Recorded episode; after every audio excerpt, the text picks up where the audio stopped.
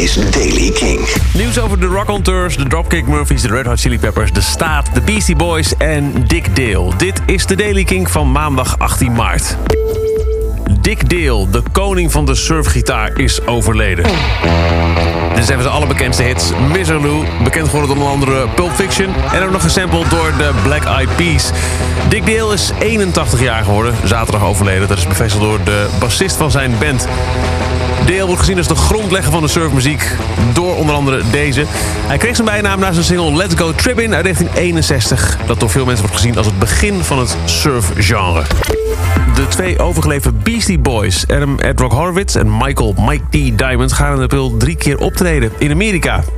Directe aanleiding is het onlangs verschenen boek over de band. De aangekondigde shows worden gefilmd door Spike Johns... die bijvoorbeeld eerder de videoclip voor Sabotage regisseerde. Eerste optreden van de reeks is op 5 april in Philadelphia... de andere twee op 8 en 9 april in waar anders New York. Afgelopen zaterdag stond de staat in een uitverkochte AFAS Live... maar ze gaan nog veel meer live spelen. Dit najaar komt er een tour, de Bubblegum Tour. Hij begint op 21 november in Maastricht in de muziekgieterij. Daarna gaat hij nog naar 013, de Oosterpoort, Tivoli Vredenburg, het Paard... en wordt afgesloten met twee concerten op 27 en 28 november in Doornroosje in Nijmegen. De Red Hot Chili Peppers gaven afgelopen vrijdag een concert in Egypte... tussen de piramides van Gizeh. Dat kon je al eerder horen in deze Daily Kink. Het concert werd live gestreamd op YouTube, Facebook en Twitter.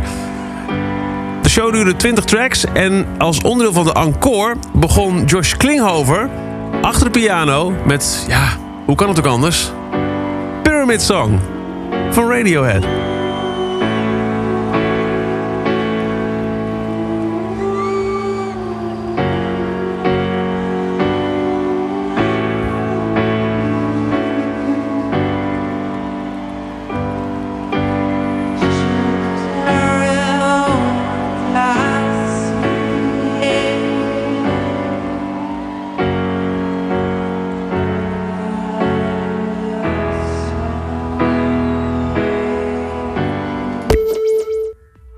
Gisteren was het St. Patrick's Day. Iets wat druk werd gevierd door bijvoorbeeld ook de Dropkick Murphys. Alhoewel ze een dag ervoor tijdens een speciale St. Patrick's Day show... eventjes flink van langs kregen. De bassist althans.